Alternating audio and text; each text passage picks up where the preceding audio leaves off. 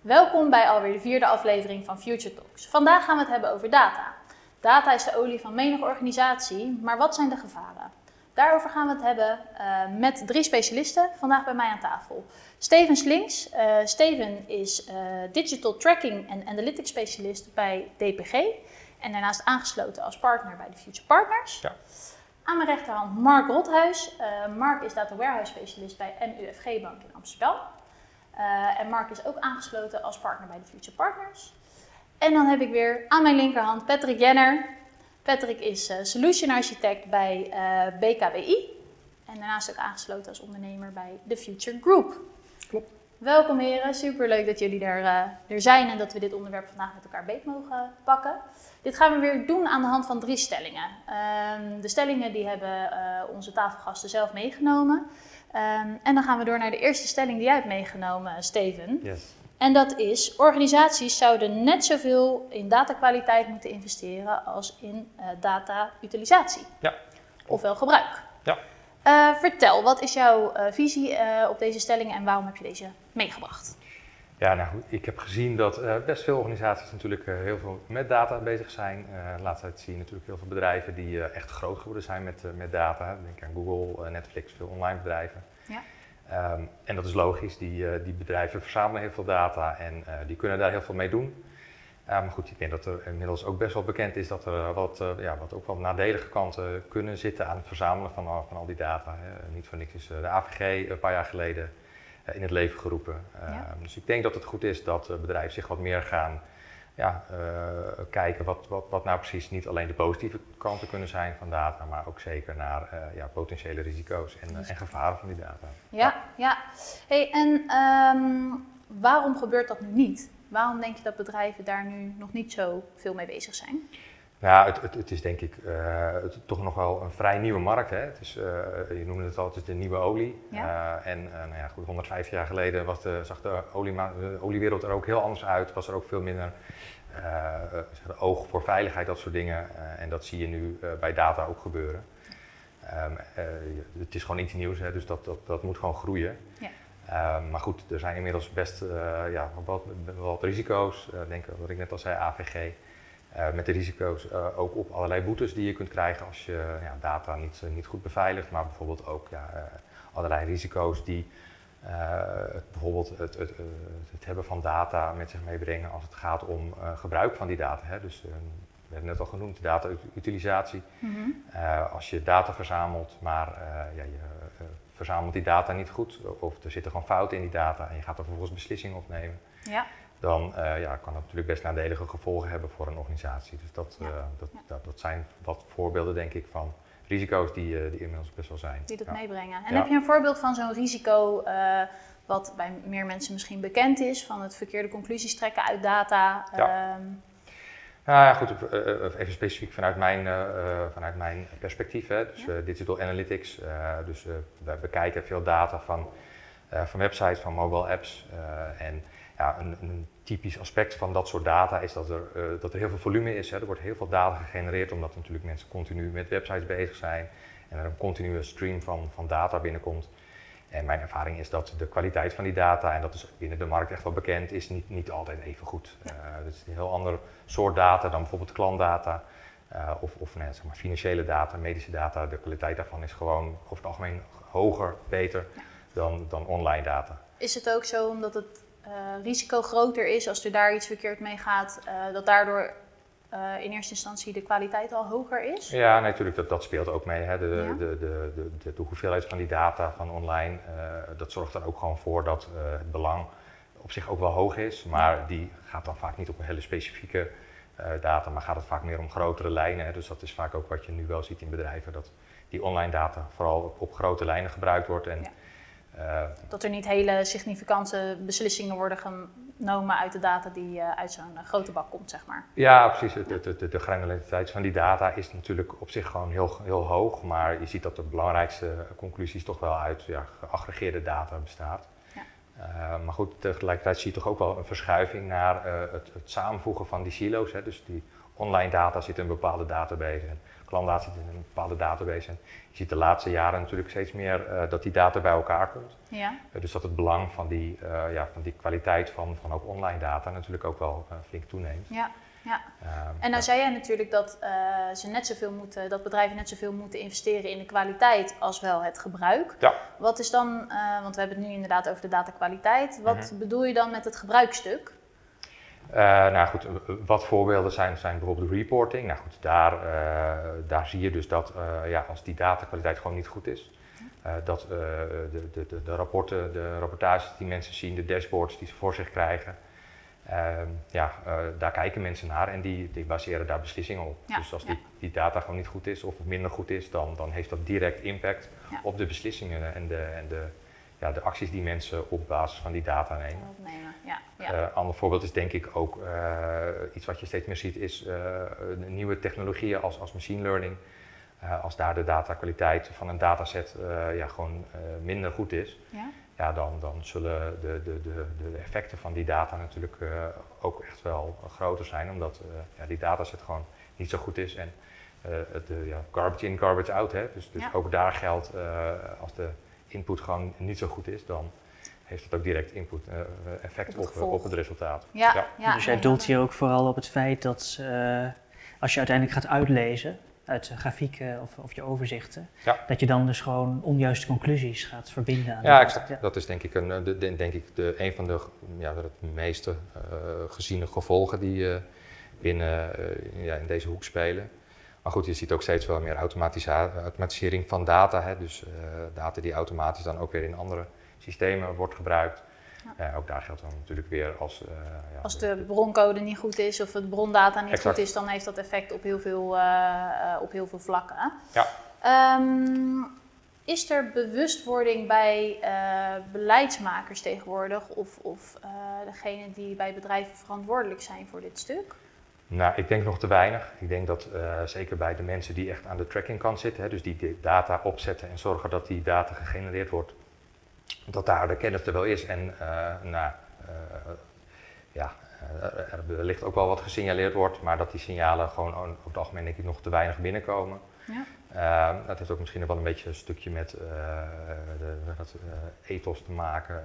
het feit dat binnen de, de sector ja, uh, is, het is gewoon bekend dat die datakwaliteit gewoon niet altijd even goed is. Dus het wordt een beetje als gegeven gezien. Een soort gedogen beleid. Uh, exact, ja. ja dus ja, uh, ja. dat wordt een beetje voor lief genomen, denk ik. en dat, dat is denk ik wel een gemiste kans. Ik denk dat, door daar gewoon meer aandacht voor te hebben, dat er uh, ja, veel meer gedaan kan worden met, uh, met de data. Ja. En Patrick, ja. hoe kijk jij naar de stelling van, van Steven? Um, ja, je, je, merkt inderdaad dat mensen ook steeds meer data gaan, gaan vergaren. Er wordt steeds meer verzameld. En ja, een foute afslag inderdaad in je conclusies is inderdaad al heel gauw genomen. Ja.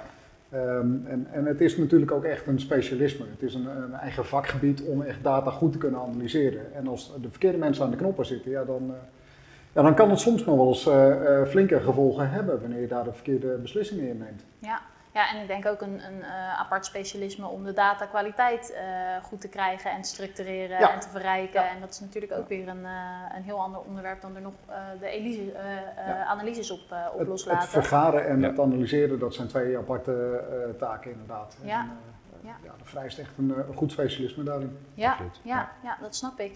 En de risico's die daaruit voortkomen, zijn dat risico's die uh, voornamelijk voor consumenten gelden? Of zijn dat ook risico's, zijn dat juist meer bedrijfsrisico's, zeg maar? Uh, uh... Ja, ik, ik, denk dat aan beide kanten eigenlijk die risico's gevolgen kunnen hebben. Hè? Dus het verzamelen van data, als die niet kloppen, en bijvoorbeeld er vindt een datalek plaats ja, dan kan ik me best voorstellen dat de consumenten zien van hé, hey, eh, deze organisatie heeft al deze data van mij, maar dus er kan allemaal data die niet klopt. Hoe zit het dan? En, ja. Waar je volgens natuurlijk als organisatie ook gewoon weer uh, rekenschap over moet afleggen. Dus ja. Dat is, ja. En is er ook veel veranderd eigenlijk door de, ja, je noemde het net al even de AVG, GDPR. Uh, merken jullie dat ook in het werkveld, dat, dat het omgaan met data, uh, dat daar echt een verandering in is gekomen? Ik vraag hem even aan jou, uh, Pet. Het scheelt dat, uh, dat organisaties wel bewuster worden van, van data. En je ziet nu inderdaad ook veel meer data privateers die, die rondlopen, mensen die dus in data moeten, moeten gaan beschermen. En, ehm, ja, de AVG gaan, gaan bewaken. En, en daarmee moet je dus een afweging maken. Ga ik deze data wel verzamelen of ga ik deze data niet verzamelen? Heb ik hem nou echt daadwerkelijk nodig om iets te kunnen gaan analyseren? Ja, ja. En als dat niet zo is, ja, eh, laat het dan zitten. Verzamel dat niet. Ja, ja. Ja, en dat, dat, dat is een, eh, eh, de ene kant van het verhaal. De andere kant, wat, je dus, wat, wat ik heel veel zie, is dat eh, ja, letterlijk mensen die eh, aan de knoppen zitten eh, zien van hé, hey, ik kan dit ook meten, ik kan dit ook meten. En dan wordt er automatisch eh, ja, zoveel data verzameld en wordt ja, dus die afweging van ja, zou dit wel of niet moeten, Mhm. eh, ja, die wordt niet altijd even goed genomen of helemaal niet genomen. Dus dat, daar zit ook echt nog wel duidelijk, een, in mijn ogen in ieder geval, nog wel een uh, ja. Verbeterslag. Ja, ja, absoluut. Ja, ja, ja. Hey, en die verbeterslag, is dat iets wat voor moet komen, voort moet komen vanuit de overheid? Is dat iets wat gedreven moet worden door wet en regelgeving? Of is dat iets wat gedreven moet worden door het bedrijfsleven? Mark, wat, wat vind jij daarvan? Poeh, sorry. nou, dat, dat is wel een lastige vraag. Ik denk dat, uh, ik denk dat het voor, uh, voor, voor sommige bedrijven, vooral bedrijven die heel erg op vertrouwen opereren, zelf werk ik, heb ik vooral gewerkt in de financiële en de medische sector. Dus dat zijn voorbeelden van bedrijven waarbij dat ontzettend belangrijk is. Je wilt niet als rekeninghouder geconfronteerd worden met het risico dat, dat jouw financiële gegevens op straat kunnen komen te liggen. En, en ja, als, als medisch, medische gegevens al helemaal, dat is zeer persoonlijk. Ja, ja. Um, en denk je dan dat de verantwoordelijkheid van het goed omgaan met uh, die data, ligt dat dan bij de banken zelf, bij de sector of bij de, uh, in de medische sector? Of ligt dat meer bij de overheid? Nou, ik bedoel, uh, het lastige is van, nou, ziekenhuis is natuurlijk al, ja, zit, zit, ja. is, is, zit, zit, al in, in de buurt van de overheid. Ja. Nou, ja, als, je, als je het voor een commercieel bedrijf stelt, dan, ja, ik bedoel, uh, een, uh, een data breach kan, kan een bedrijf de nek omdoen. Dus uh, dat is gewoon een heel reëel bedrijfsrisico. Ja. Dus dat is ja, echt iets voor het bedrijf zelf om als, als aanzienlijk, aanzienlijke kritiekpunt. Ja. Kan je daar wat meer over uitleggen wat het is? sorry, wat, wat? Een data breach, wat dat is? nou, bijvoorbeeld, om nou even te spreken van de medische sector.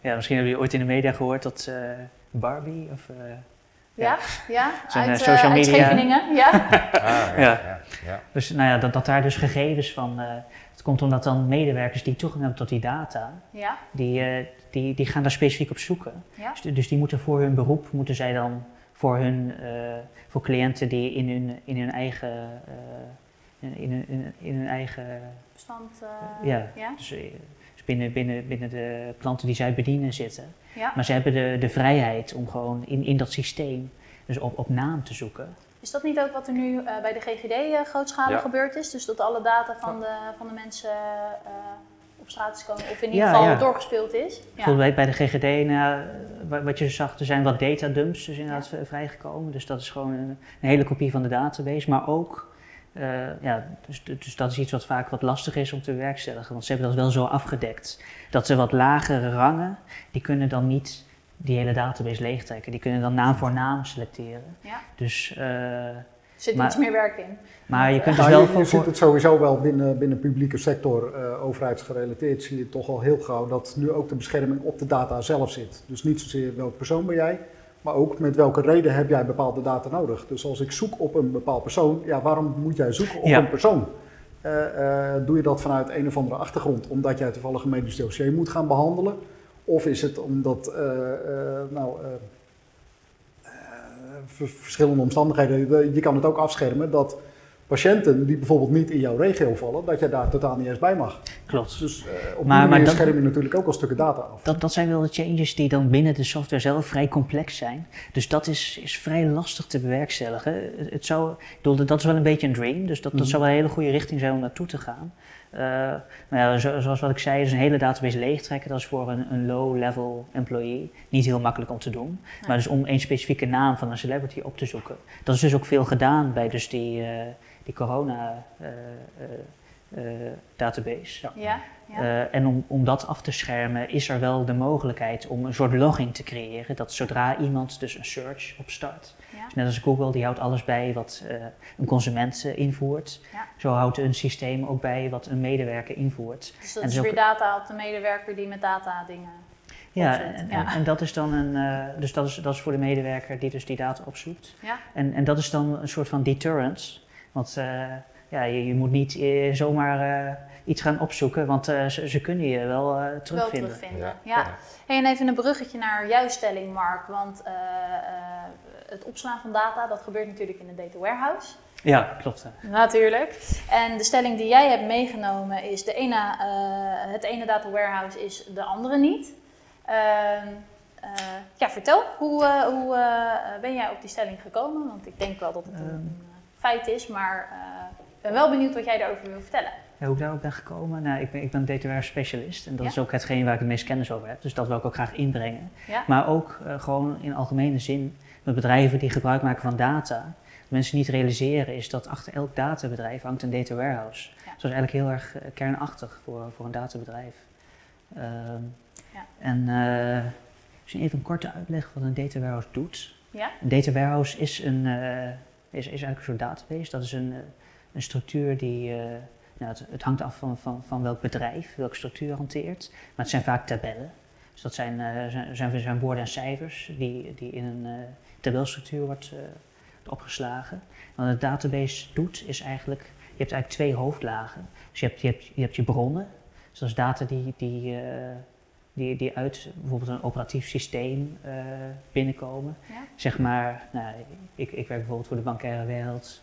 Stel dat iemand een, een, een bankrekening wil openen, dan zal dus iemand die achter de balie bij een bank werkt invoeren dat iemand je bank, eh, een bankrekening opent en dat komt dus zo het systeem binnen. Tegenwoordig gaat het ook heel veel Dan online. roept hij de data aan, zeg maar, die daarvoor nodig is om dat voor zo iemand voor Ja, klopt. te Dan voer je dat in en Ja. dan eh, komt dat in dat systeem terecht. Dat systeem heeft ook weer een database, maar dat we daar niet te ver op. Ja, ja. Maar goed, dat, dat komt dan de Een database soort in. ver- verzamelplaats van informatie vanuit verschillende databases die een actie. Precies, dus zo, Eh. zo moet je het zien. Het is een verzamelpunt van verschillende bronnen. Ja. Maar wat je eigenlijk wil, is dat je die bronnen aan elkaar koppelt. Ja. En dat je uiteindelijk een, een, een result, result set maakt. En dat heet dan een data mart. Ah, ja. Een data mart is eigenlijk een structuur die heel geschikt is om inzichten uit op te doen. En dat is ook voor mensen, bijvoorbeeld wat, wat ik Steven Slinks eh, erg interessant vond, is, is, is dat hij natuurlijk veel, veel werkt met inzichten opdoen uit, eh, uit data, met, met data analytics. En, dat is, en dan kun je bijvoorbeeld grafieken of, of andere overzichten construeren op die datamart. Maar je moet wel eerst die datamart bouwen. Ja. En daarvoor moet je zaken aan elkaar knopen. En wat dus mijn hoofdstelling vooral is, is eh, het ontwikkelproces van een, een data warehouse, van de logica van een data warehouse. Om dus die, eh, die structuur van die bronnen, die heel anders is dan de structuur van de, van de data mart. Ja. Hoe, hoe eh, ga je dat transformeren? Ja.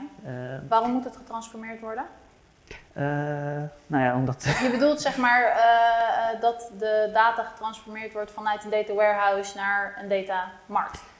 Ja, precies. Dus, van, dus vanuit je bronstructuur naar je Ja. datamart. En, en dat is dus binnen een data warehouse. Ja? Je hebt dan zeg je je input en je output. Ja. Zo, zo moet je het. Het plaatje zien. Zeg ja, maar. zo moet je het plaatje zien. En is een data markt dan specifiek op een actie, dus inderdaad het openen van een bankrekening of een, het stoppen van een, eh, het verliezen van een betaalpas. Ik zeg maar wat, daar zou je een bepaalde. Nou, het, het grappige is bijvoorbeeld, dus, eh, je invoersysteem is dus het openen van een bankrekening. Maar wat je dus bij de datamart-zijde vooral ziet, is van wat is de actuele status van alle bankrekeningen die op dat moment openstaan. Ja. En wat is de huidige, wat is de huidige klandizie? En wat is de huidige hoogte van hun rekening? En dus, eh, wat, dus wat je dus dan weer in een opererend systeem zou zien, is wanneer iemand geld opneemt, dan heb je een, een, een wijziging aan dus een bestaande rekening. Ja. En daarmee doe je dus eigenlijk een update op een bestaande, nou ja, het is een tabelstructuur, een bepaalde regel wordt geüpdate. Ja. Zodat je actuele overzicht, dat is heel belangrijk natuurlijk voor je bank om te weten, Mhm. nou ja, wat, eh, ja dat is, eh, hoef je niet lang over na te denken dat het belangrijk is om te weten ja, hoe Ja. dus je actuele klandizie eruit ziet. Ja. Eh, Hey, en wat is, eh, om hem even terug te brengen zeg maar, naar eh, het stuk gevaren hè, waar we het over hadden, met, met het opslaan van data ook. Ehm, wat zijn dingen die vaak door bedrijven eh, over het hoofd worden gezien bij het opslaan van data in een data warehouse? En wat zijn de gevaren die daar aan vasthangen? Ehm, nou, als je kijkt in het kader van privacy, dan eh, vind ik het wel interessant, een, een opmerking die al eerder in dit gesprek werd gevoerd, van hoe zie je dat dus de AVG en de focus op privacy dus de, uh, een verschil uh, laat zien in dit proces. Ja. En uh, daar zie ik wel verschillen in. En ik, ik, zie bijvoorbeeld in het verleden, zag ik wel dat echt alle medewerkers van het data warehouse bij, bij alle gegevens konden en ook konden zien wat dus de actuele status van een lening is Ja. van alle bedrijven die klant zijn van een bank. Ja. En eh, ja, ook of die bank even, of, of, of, of, of dat bedrijf ook eventueel in schulden verkeert. Ja. Dus dat is natuurlijk eh, vrij kritieke informatie. Dus dat is iets wat. eh, En door eigenlijk AVG is daar dus een stuk eh hack tussen gekomen. Zeker, wie, ja. wie welke data in door door kan AVG eh, moeten, moeten banken dus ook laten zien aan, aan toezichthouders dat, eh, dat, dat, dat medewerkers die toegang hebben, hebben tot bepaalde data er ook een reden toe hebben. Ja. En dat, zorgt, dat, dat drijft er ook toe dat, ze dat ze eigenlijk hekken gaan zetten om. eh, zodat dat mensen die niet echt die, eh, bijvoorbeeld die, die namen van bedrijven nodig hebben. Ja. Dus je kunt ook als, als, als meer programmeur op, op je database, kun je ook zeggen van eh, je hoeft niet die namen te weten. Je Nee. kunt er ook eh, die, die namen veranderen in XXII. Ja, ja, ja, precies. Dus anonimiseren. Zo doen Ja. Ja, dit gaat dan heel erg over de toegang tot, eh, tot die data, update of lezen. Eh, eh, kun jij ook iets vertellen over bijvoorbeeld of bepaalde processen zijn die jij ziet, nou ja, hoe, en die echt iets zeggen over, die gaan over de datakwaliteit? Dus worden er ook stappen genomen om iets aan die datakwaliteit te doen? Ehm, en in datakwaliteit bedoel je dan in de zin van privacy of vooral in de zin van hoe betrouwbaar is je... letterlijk, hoe goed is die data? Klopt het? Ja. Ja, dat Dus dat vind ik ook wel een interessante discussie, want eigenlijk per bedrijfstak wisselt ook heel erg van hoeveel aandacht er is voor... eh, zeker. want eigenlijk voor, ja, voor ik, ik werk vooral in, eh, in, in- bij banken en medische bedrijven. Ja. Dat, dat zijn dan bedrijven waarbij datakwaliteit eigenlijk per definitie al heel erg belangrijk is. Eh, en ik, ik, ik kan me voorstellen dat bijvoorbeeld bij gebruikersgedrag, bijvoorbeeld in, in, het, in het kader van marketing, is die, is die absolute precisie minder, het is heel belangrijk, maar er is nog, eh, het is nog minder, op dit moment no- nog niet zo essentieel.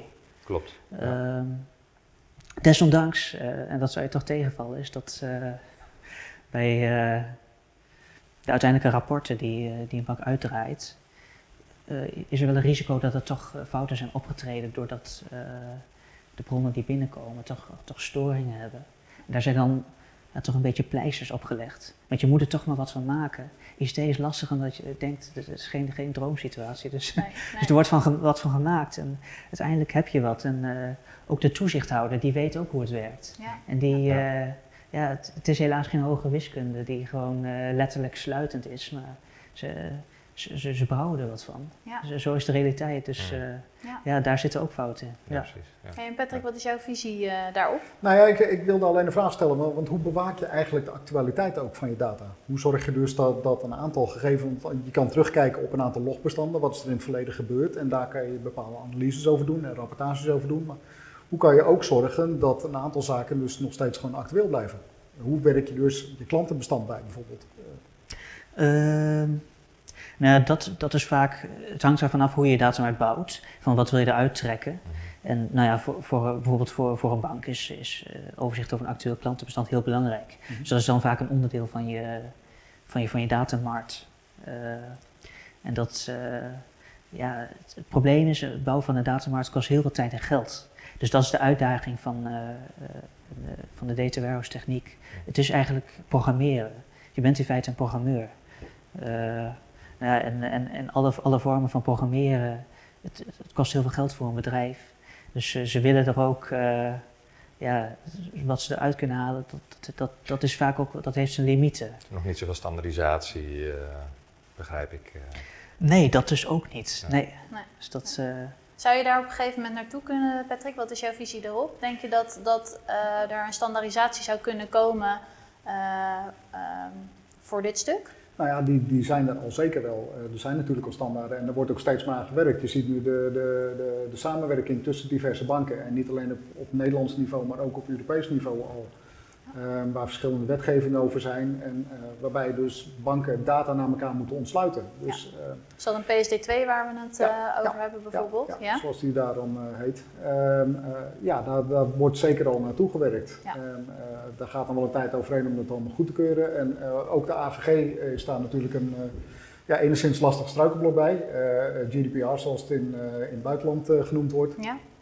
Um, en je ziet dus ook, eh, met name dan ook over die actualiteit, dat banken dus nu inderdaad ook hun klantenbestanden moeten gaan actualiseren. Uh, dat zijn ze verplicht ook naar de toezichthouders toe en dus ook naar deze nieuwe wetgeving. Ja, dat de data actueel, uh, actueel is. Precies.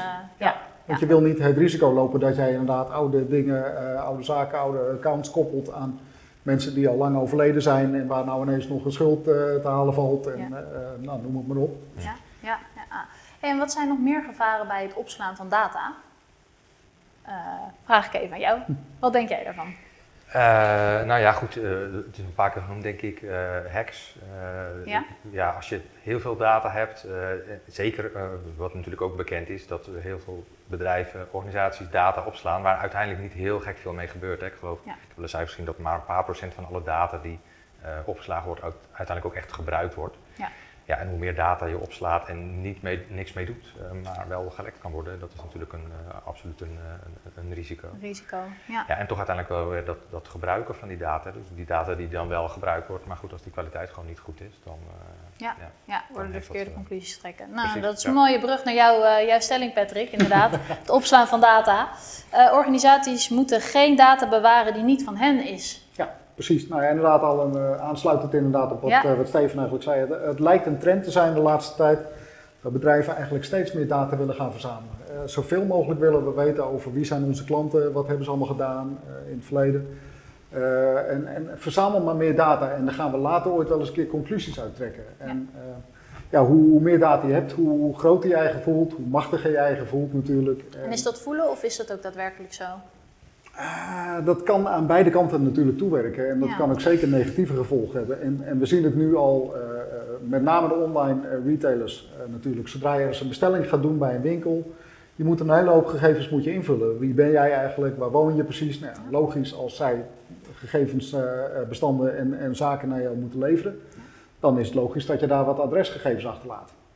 Alleen uh, met telefoonnummers willen ze weten. En waarom wil je je telefoonnummer weten? Nou, als er iets misgaat met de bestelling, kunnen we je bellen. Ja.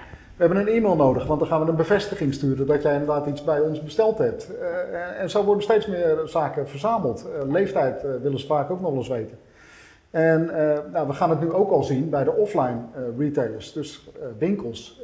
met name juist in deze coronatijd moet je namelijk overal een lijst intekenen. Als jij een winkel binnengaat, men wil weten uh, waarom ben je binnen geweest en voor het contactonderzoek ja. is het handig dat we je na kunnen bellen als daar een besmetting heeft plaatsgevonden. Ja. Maar wat gebeurt er met die data? Die data die blijft ook al heel gauw bewaard. Die adreslijsten, nou, het is toch handig dat we het hebben natuurlijk. Ja. Het is ingevuld.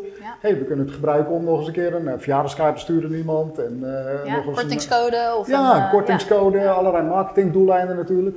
En hoe meer data je gaat verzamelen, hoe meer gevaar daarin bestaat. En het is niet altijd nodig om data te verzamelen. Nee. Als we kijken naar, naar, adresgegevens bijvoorbeeld, het is vaak alleen maar nodig om een postcode te hebben en een huisnummer. En dan kan je dus inderdaad zelf al de woonplaats erbij zoeken, al dat soort gegevens. Dus je kan je databestand zelf ook kleiner maken. Maar juist ook door het opslaan, nou je ziet inderdaad, als daar een, een datalek ergens is, uh, wie leidt daar de meeste schade aan? De consument. Ja, het is, precies, ja. het ja. is de consument. Want het zijn de winkels die inderdaad naar voren komen en zeggen, joh, uh, heel vervelend. Uh, ons, ons data is, uh, is gelekt. Ja. En jij bent daarin betrokken. En dit en dat zijn de gegevens van jou, maar maak je niet druk. We hebben je wachtwoord gereset. Ja, ja. maar ondertussen de rest van jouw gegevens liggen op straat. Ja. Ja. En die horen daar niet eens. De enige die schade zou moeten lijden onder die lek is het bedrijf waar de, de, de, het lek is geweest. Ja. Ja. Maar niet de consument allemaal. Dus. Maar voelen consumenten dat ook daadwerkelijk als schade? Want 9 van de 10 keer gebeurt er natuurlijk dan niet zo heel veel met die data die op straat ligt? Nou, ik denk dat het heel vervelend is. Eh, je merkt het wel de laatste tijd. Dus bij, eh, bij Porsche is er uh, onlangs een, een, lek geweest. Uh, alle gegevens van alle Porsche-verkopers of kopers, die, die, die zijn ook allemaal gelekt. Ja. Dus alle adressen van alle mensen die dus een Porsche voor de deur hebben staan, die lagen ja. ineens op straat. Nou, ideaal voor de criminelen. Jij weet waar je de dure auto's kan halen. Ja, of waar de vermogende mensen wonen. Ja, precies. Ja, ja. Ja. Nou, en zo zijn er meer zaken. Dus eh, wat Mark ook al zei over de medische gegevens. Ja, je moet er nu ook niet aan denken dat die medische gegevens ergens op straat komen te liggen. Nee, nee. Dus eh, het advies aan bedrijven, probeer gewoon zo weinig mogelijk data te bewaren. Overweeg inderdaad goed, heb ik dit echt nodig of kan ik het bijvoorbeeld ergens betrekken van andere bronnen? Ja. Als jij een, een, eh, iets afspreekt met, met eh, eh, medische eh, bedrijven, ziekenhuizen bijvoorbeeld, die al gegevens van jou hebben, of, of een huisarts, dat jij alleen een sleutel uitwisselt met die huisarts en zegt: Ik heb hier patiënt A. En met deze sleutel heb ik toegang tot nou, eventueel wat, wat medische gegevens. Ja. En niet meer dan dat. Ja. En ook waarbij ik dus aan kan tonen waarom ik die gegevens moet hebben. Ja, het, het mooie is, en ik wil geen promotieverhaaltje van de AVG maken, eh, want daar zitten natuurlijk best wel wat tekortkomingen aan. Maar ik denk dat er een aantal hele goede eh, uitgangspunten in de AVG staan. Ehm, ja, die hier eigenlijk ook over gaan. Hè? Dus eh, eh, zorgen dat je inderdaad gewoon alleen data verzamelt eh, waarvoor je ook een duidelijk consent hebt, maar Ja. waarvoor ook je een duidelijk doel hebt. Dus Ja.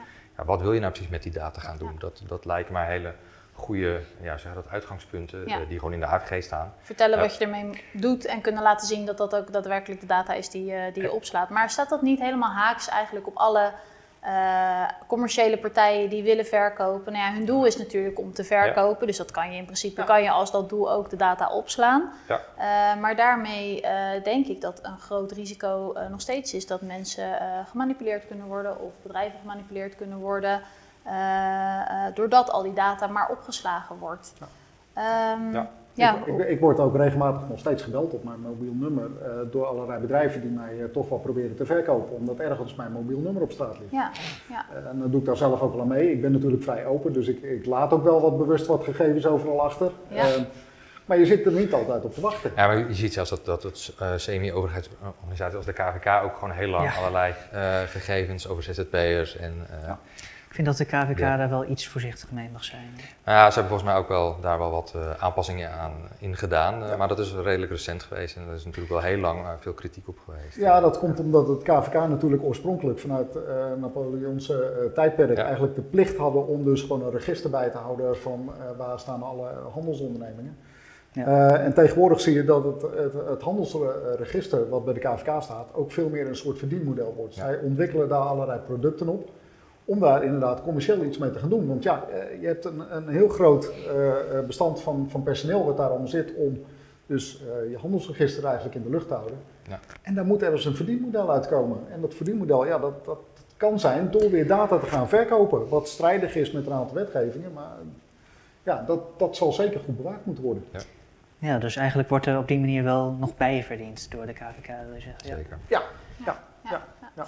En nou las ik pas een stukje, eh, want het, het stuk uitwisselen van data is natuurlijk ook erg belangrijk. Hè? Dus eh, eh, data die uitgewisseld wordt, wat voor ons als consument het leven wat makkelijker maakt tussen verschillende instanties. En nou las ik eigenlijk, om, omdat wetgeving niet zo heel erg snel is, dat er bepaalde coalities gevormd worden, data sharing coalities per sector.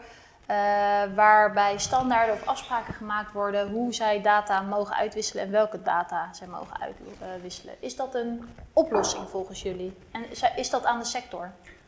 Het is een oplossing om te zorgen dat er een standaardisering komt natuurlijk. Eh, Je maakt gezamenlijk maak je afspraken, dus je, je werkt naar bepaalde standaarden toe, open standaarden hopelijk. Ehm, Kan je daar wat meer over uitleggen, Patrick? Want, eh, over jij open als, eh, standaarden. ja, want jij bent een eh, open source. Een, een open standaard wil zeggen eigenlijk dat de exacte standaard gewoon volledig beschreven is. En, Ja. en dat iedereen daar ook eigenlijk zijn inspraak in heeft. Ja. Dus jij kan zelf besluiten inderdaad van ja, het is leuk dat wij gegevens opslaan over een persoon, maar eh, telefoonnummer staat erbij, maar ik wil wel gewoon dat telefoonnummer bijvoorbeeld afgeschermd wordt. Ja, als jij een, grote stem daarin kan, kan hebben, dan kan je daaraan bijdragen natuurlijk. Ja, Eh, ja. en- dus geen eh, blackbox eh, technologieën. En, Nee, eh, nee, nee. En, en er is gelukkig zoiets als een forum standaardisatie in, eh, in Nederland eh, opgezet door de overheid. En die bewaakt inderdaad al deze open standaarden. En schrijft ook voor dat in ieder geval overheidsbedrijven met die open standaarden moeten gaan werken. Ja, dus in primaire processen is dit wel gewoon ook de manier eh, en open eh, eh, overziet de overheid dat wel eh, dat dat ook daadwerkelijk gebeurt. Ja. Ja, oké. En hoe kijk jij daarnaar? Is, is dat iets waar jij achter staat? Dat eh, sectoren zelf bepalen hoe er eh, data gedeeld wordt? Ehm, nou, het, eh, het is, eh, ik, ik vind het sowieso wel interessant wat Patrick nu vertelt inderdaad over uh, hoe kun je inderdaad voorkomen dat, uh, nou, dat, dat, dat, dat de risico's van, van data worden ingeperkt. Bijvoorbeeld bewaren van data, limiteren. Maar ook, ook wat je net zei van wie heeft er toegang tot data, om, om dat dus heel goed in te regelen. En het, het, ja, het, het, is zeker een goede ontwikkeling. Wat ik dan wel altijd het lastige vind, is het feit van uh, wie, wie, gaat het doen. Tenminste, uh, een groot probleem is dat uh, überhaupt programmeren, daar, daar heeft Nederland, Nederlandse bedrijven vaak een, een tekort aan. aan Ja. het is ja, binnen Nederland heel moeilijk om een programmeer te vinden. En ook, er wordt nu ook heel veel in India bijvoorbeeld gezocht. Ja. en ik, ik kan me wel voorstellen dat als een bedrijf al heel veel moeite heeft om überhaupt zijn operaties te, te behouden en, en uit te breiden, dat dan inderdaad dataopslag, wat misschien voor sommige bedrijven niet hun, uh, hun primaire bedrijfsproces uh, uh, raakt, Mhm. dan een beetje onderop de stapel komt te liggen. Nou ja, daarom wat, wat, wat Vida aangaf, eh, die, eh, die, die eh, groeperingen eigenlijk, die dus gezamenlijk inderdaad dus een, een, eh, een group sharing opzetten over data. Eh, de oplossing daarvan ligt eigenlijk in het, het linkdata. En het linkdata wil zeggen dat je dus inderdaad met elkaar dus die data deelt, maar de bron die, die eh, bijvoorbeeld persoonsgegevens heeft, eh, en in Nederland is dat de eh, BEP, eh, Ja. het vroegere GBA, daar liggen alle persoonsgegevens opgeslagen van alle burgers in Nederland. Ehm, het is niet nodig voor bedrijven om diezelfde gegevens namelijk ook nog een keer te hebben. Het gevaar daarin bestaat namelijk dat dus jij gaat verhuizen. Ja. En ehm, ja, eh, een andere organisatie, jouw dokter bijvoorbeeld, die kent jou ook nog steeds en die heeft ook nog steeds gegevens van jou. Ja. Op het moment dat er ergens iets uitbreekt, eh, je bent positief getest op corona, dan moeten ze je bereiken, de GGD's, dan woon jij ineens niet meer op dat adres. Ja. Eh, op het moment dat jij beschikking hebt over die gegevens die bij BPR, eh, liggen, dan, dan is dat vrij veel makkelijker om te zeggen, geef mij de meest actuele gegevens daarvan. Ja, dus laat de data daadwerkelijk opgeslagen bij de bedrijven die eh, erover gaan. Ja, En roep die data aan met goedkeuren van eventueel een persoon. eh, zeker met goedkeuring van. Het is, Ja. het, is, het is mijn data, het is jouw data, Ja. het is onze data en, en daar moeten wij allemaal zelf over kunnen beslissen. Dus Ja. Eigenlijk wat de overheid zou moeten faciliteren is dat wij richting eigenlijk persoonlijke kluizen gaan. Ja. Zij moeten een netwerk opzetten eh, zodat daar inderdaad ergens, nou, vergelijk het met inderdaad postkluizen, dat daar gewoon een kluis ligt waar jouw persoonlijke data ligt. Ja. En waar niemand anders bij kan dan alleen jijzelf. Ja. En een bedrijf klopt bij jou aan en die vraagt om toestemming van mag ik deze en deze gegevens van jou hebben. data En ophalen. daar moet jij altijd zelf over kunnen beslissen. Jij genereert een aparte sleutel waar alleen dat bedrijf bij kan. Zij kunnen die gegevens ophalen. Ja. Jij ziet precies wanneer die gegevens opgehaald zijn. Jij kan ook zelfs afspreken waarvoor ze die gegevens gaan gebruiken. Ja. En jij actualiseert die gegevens. En bedrijven geven aan dat ze daarna eventueel, als het niet meer nodig is, de data weer. eh, Lifecycle management Ja. is, is daar zeker belangrijk in. Ook de AVG dwingt dat soort zaken af. Bijvoorbeeld als jij data gaat verzamelen, hoe lang mag jij die data dan bewaren? ja, vijf Ja. jaar toch? Dacht ik. Ja, geloof ik. Maar dat hangt ook weer van de toepassing van het doel af, denk ik Ja, inderdaad. Maar, ja, nou, ik denk dat die, die datakluizen, dat, dat, dat is wel een ontwikkeling die je natuurlijk de afgelopen paar jaar wel ziet. eh, Ja. Die nog niet heel veel vaart heeft, maar Volgens mij is het bij artsen, eh, wat ik zag bij medische data wel al. Hè. Ik, ik ben zelf pas van huisarts geswitcht en toen moest ik inderdaad zelf aangeven of zij mijn eh, patiëntendossier mochten eh, inzien. Of dat ze in ieder geval die data mochten, mochten overnemen. ja, goed, dan is, dan, is die data nog wel in beheer zeg maar, bij Ja. een andere, Ja, een andere waar. partij. Ja, En ik denk, eh, ja, het voorbeeld wat- Patrick bedoelt, inderdaad, dat, dat, Echt er meer een- dat je echt zelf zeg maar, volledig de controle hebt over die data. Ja. En dat is natuurlijk ook een ontwikkeling die we, die we in de online marketing uiteindelijk ook, ja goed, het zal misschien wel tien jaar duren, maar uiteindelijk daar ook wel terug gaan zien, eh, is ja. dat je eigenlijk ook gewoon de consument veel meer de, de in control wil laten blijven over die Ja. data. Eh, en Maar dus, toch dus deel jij die data ook met Facebook, deel jij die data ook met, met Google bij wijze van Ja. spreken. Dat- Ja. Ik denk dat dat we daar uiteindelijk echt wel naartoe moeten. nou hoor ik eh, het, het woord digitale kluis hoor ik al eh, eh, geruime tijd. Eh, maar toch is het er nog niet. Volgens mij, dat durf ik niet eh, helemaal hard te maken. Maar zijn- volgens mij is het nog niet een standaard. eh, eh, wat, ja, ik kan me wel zo voorstellen, voorstellen waarom dit tegengehouden wordt. Maar wat is jullie idee erom waarom dit nog niet zo van de grond komt? Nou, er, er zijn wel kleine initiatieven al over, eh, over digitale kluizen. Het is Ja. niet zo breed opgezet dat iedereen nu al zijn eigen persoonlijke kluis heeft, maar er, er- er liggen overal al verschillende initiatieven binnen verschillende sectoren om inderdaad gewoon je eigen kleine stukjes data te mogen beheren. Maar ik kan me een- voorstellen dat- voorbeeld, mijn overheid is daar een heel mooi, eh, Ja. mooi initiatief van. Eh, waarbij je zelf toestemming geeft welke bedrijven daar allemaal in mogen en wie met data met jou mogen gaan delen. Ja. Mijn belastingdienst dan, doet dat eh, al. Oh, sorry, ik, wou dan, ik, ik vraag me nou af of, of mensen dan nog wel heel bewust. Zo over, op mijn overheid krijg je een hele lange lijst van dingen die je kan aanklikken. En dat, is, dat, is- dat wordt dan misschien ook een beetje click and forget. Voor, eh, ik bedoel, het is wel fijn dat de mensen die optie hebben. Misschien dat veel mensen ook gewoon niet goed, eh, ja, daar niet eh, Bewust de, de. Ja. bewust zijn eh. ja. Dat is natuurlijk weer een volgende fase dat mensen heel bewust moeten worden van de data die ze hebben. En, eh, eh, Dat is ook het gevaar inderdaad wat je krijgt Ja. bij een stukje self-control. Eh, je ziet het nu aan het, het stemmen bijvoorbeeld, wat we onlangs nog gedaan hebben natuurlijk. Waarbij mensen dus allemaal brieven moeten invullen en verschillende enveloppen moeten plakken bijvoorbeeld. Ja. Ja, dat blijkt voor sommige mensen al een brug te ver te zijn. En we hebben genoeg digibeten nog in Nederland rondlopen. Als jij die de zelfbeschikking geeft over een eigen kluis waar gegevens in staan. En eh, er komt een, een willekeurig bedrijf komt aankloppen en die zegt, joh, geef mij even al jouw gegevens. ja, Ja, eh, één klik met de muis is zo gemaakt. Dus ja. eh, dat is inderdaad nog steeds zo lastig. En dat is wat en dan eigenlijk... ben jij ook als consument echt de enige die erop aangesproken kan worden natuurlijk. Ja, Dus het Ja, is niet meer dat je dan het ergens Ja. anders neer kan leggen. Dus het is ook wel iets waar we heel voorzichtig met elkaar mee om moeten gaan. Eh, maar zou het volgens jullie, dus even als wrap-up van waar we het vandaag over hadden, zou een digitale kluis dus een ehm, manier kunnen zijn om de risico's eh, eh, van het gebruik en het verspreiden van data in te perken? Ja, ik zie het zeker wel als een, eh, als een stap in de, in de toekomst wel- wellicht, maar goed, wel iets wat eh, uiteindelijk gaat leiden tot, tot een hogere kwaliteit aan data, absoluut. Ja. En als we dan even kijken, zeg maar, eh, terugkijkend op dit gesprek, wat zou jullie advies zijn nu naar bedrijven toe, ehm, of de mensen die het beleid maken of bepalen, ehm, over de gevaren van eh, het omgaan met data? Begin ik even bij jou, Steven. Wat zou jouw advies nou, zijn? Een van mijn ideeën is, eh, en dat heb ik niet zelf bedacht hoor, maar goed, dat, ik vond het een heel mooi idee van iemand anders die, die ooit zegt, ja, goed, je hebt tegenwoordig nog een DPO, hè, dus een Data Privacy Ja. Officer binnen een organisatie. Ja. Eh, misschien zou je ook een soort van Data Quality Officer kunnen, kunnen installeren. eh, die, eh, en dat, dat hoeft niet een hele nieuwe functie te zijn, dat kan gewoon iemand die die, die, die rol heeft. Ja. En die gewoon echt, ja...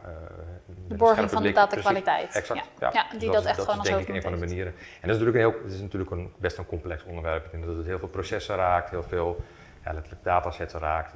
Dus het is best wel, best wel complex. Maar ik denk dat dat wel een van de manieren is, naast processen, om dat eh, ja, te tackelen. Ja, om daar echt iemand voor verantwoordelijk te maken Exact. binnen een organisatie. Ja. Ja.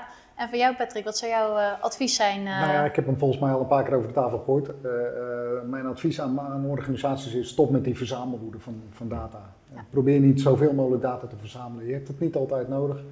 En wees je bewust van de gevaren die erom zitten. Eh, eh, al die datalekken die we tegenwoordig kennen, eh, eh, dat, dat bewijst al dat je daar echt voorzichtig mee om moet gaan. Ja. Ik kan wel zeggen, ja, ik, ik bescherm die data, ik bouw er allerlei hekken omheen. Eh, maar een echte hek op het hek is zo gemaakt natuurlijk. Dus ja, ja, dus wat dat betreft, als je de data niet in huis hebt, dan is het risico al eh, absoluut. bij jou Ja. in ieder geval uit de Ja, keuken. ja. ja, ja, ja. Eh, En je, je zorgt ook dat er geen misverstanden over kunnen bestaan over welke data je hebt. Dus je trekt niet gauw verkeerde conclusies eruit als jij gewoon kleinere datasets hebt. ja, ja. En Mark, van jou? Ja, ik sluit me eigenlijk aan wat mijn eh, tafelgenoten al eh, reeds hebben gezegd. En daarbij denk ik dat het toch wel lastig is om, eh, ja, wa- wanneer wo- worden bedrijven echt over de tre- streep getrokken, om daar toch hun eh, schaarse voorraden aan eh, te besteden.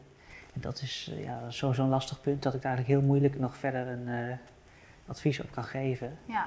Maar eh, het belang ervan staat denk ik wel paal boven water. Ja, ik denk, ik denk dat in ieder geval kennis, eh, dus- dus al- algemene kennis eh, over, over dus, eh, de risico's, dat dat al eh dus een bewustzijn inderdaad. Ja. Dat dat al een stap is. En of bedrijven daar dan nog verder wat mee gaan doen, dat is. eh, ik, ik vraag me af van hoeveel bedrijven daar niet al bewust van waren, maar toch. eh, toch Bewust hebben gekozen om er niks mee te doen. ja, Ja, Ja.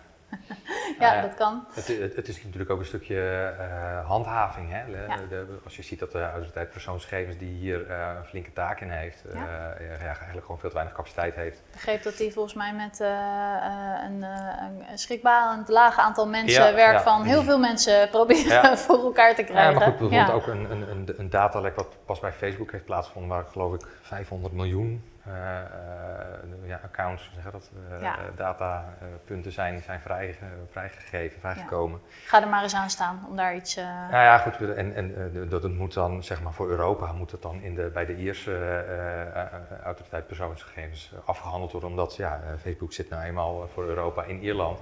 Ja, die club wordt natuurlijk ook zwaar over, overspoeld met dit soort zaken. Ja. En, En ja, Facebook is natuurlijk al een, een duidelijk voorbeeld van hoe je dus inderdaad data ook kan misbruiken. absoluut. Eh, ja. Dus zij beschikken over een hele grote hoeveelheden data en je ziet dat ze dit ook als een commercieel model hebben gebruikt. Ja. Eh, jij hebt daar geen toestemming meer over te geven, zij, die data is al van hun. Ja. Mm. En zij kunnen het doorverkopen aan andere bedrijven die daar ook- weer mogelijke conclusies uit trekken van hé, hey, Ja. jij hebt deze ziekte, want ik zie dat jij dit en dat allemaal gedaan hebt, dus ik ga bijvoorbeeld jouw verzekering eh, ga ik duurder maken. Ja, ja. Maar het is natuurlijk ook wel het bestaansrecht ongeveer en een verdien, zo'n groot verdienmodel van heel veel van dit soort grote techbedrijven. Ehm, En daar Dus- zouden we vanaf moeten. daar zouden we vanaf moeten. Binnen hoeveel tijd gaat dit eh, gebeuren? Dat is heel lastig te zeggen, want ondertussen zijn die grote techbedrijven zijn groter dan wij. Dus Ja. eh, zij bepalen eigenlijk al of wij daar vanaf gaan of niet. Ja. En eh, dan zal het niet zo gauw gaan gebeuren, denk ik. Nee. Dus daar zou echt eigenlijk de overheid weer een hele grote rol in moeten pakken om dat eh, in te Ja, kijk. Ja, absoluut. absoluut. Ja, als, je, als je kijkt naar Amerika, waar ze zelfs al spreken over eh, toch wel het, het meest kapitalistische, kapitalistische land ter wereld, denk Ja. ik. Terwijl ze, ja, daar spreken ze al over het eh, ophakken van, eh, van bedrijven als Van- Google, ja. Facebook en, en Amazon. Ja, Ik denk dat de overheid hier in Nederland ook, eh, of in ieder geval Europa, want we zitten natuurlijk in de EU, dat dat eh, Ja. een veel, grotere rol zou moeten hebben. De overheid heeft natuurlijk de, de, de taak om zijn burgers te beschermen. Ja. Ja. En eh, die big tech bedrijven hebben dat niet. Die Nee. hebben gewoon andere motieven. Dus eh, Ja. ja. daar moeten wij zeker tegen beschermd worden. ja. Ik wou nog even zeggen, ja, de, ge- de gemiddelde Facebook-gebruiker die eh, staat echt totaal niet bij stil wat hij eh, online gooit. Eh, dus, dat, eh. Nee. dus dat kun je niet inderdaad niet. eh, bij de daar, daar moet je de consument zelf, echt, eh, echt voor beschermen. Ja. Sommige, sommige dingen, ja, best veel dingen ben ik zelf van mening. dat eh, is toch iets wat, eh, wat je de gemiddelde persoon, de gemiddelde inwoner van een land dus niet eh, kan laten, zelf kan laten bepalen. Nee, nee. Dus vanuit de ta- overheid is ook een stukje taak om, eh, om de bewustwording bij de mensen ook nog eh, eh, neer te leggen. Nou, mannen, we zijn eigenlijk alweer aan het einde gekomen van, eh, eh, van deze eh, episode. Heel erg leuk om met jullie dit gesprek te voeren. Eh, ik hoop dat jullie ook terugkijken op een, eh, op een leuk gesprek en dat jullie ook wat wijzer zijn geworden over elkaars wereld. Ehm, dus bedankt daarvoor. Helemaal goed. Dan eh, gaan we afronden. Eh, over een maand gaan we weer de volgende eh, episode opnemen, nummer 5 alweer. Graag wil ik jullie attenderen op onze socials, dus meld je vooral aan en laat vooral ook weten wat je vindt van deze aflevering. Tot de volgende keer.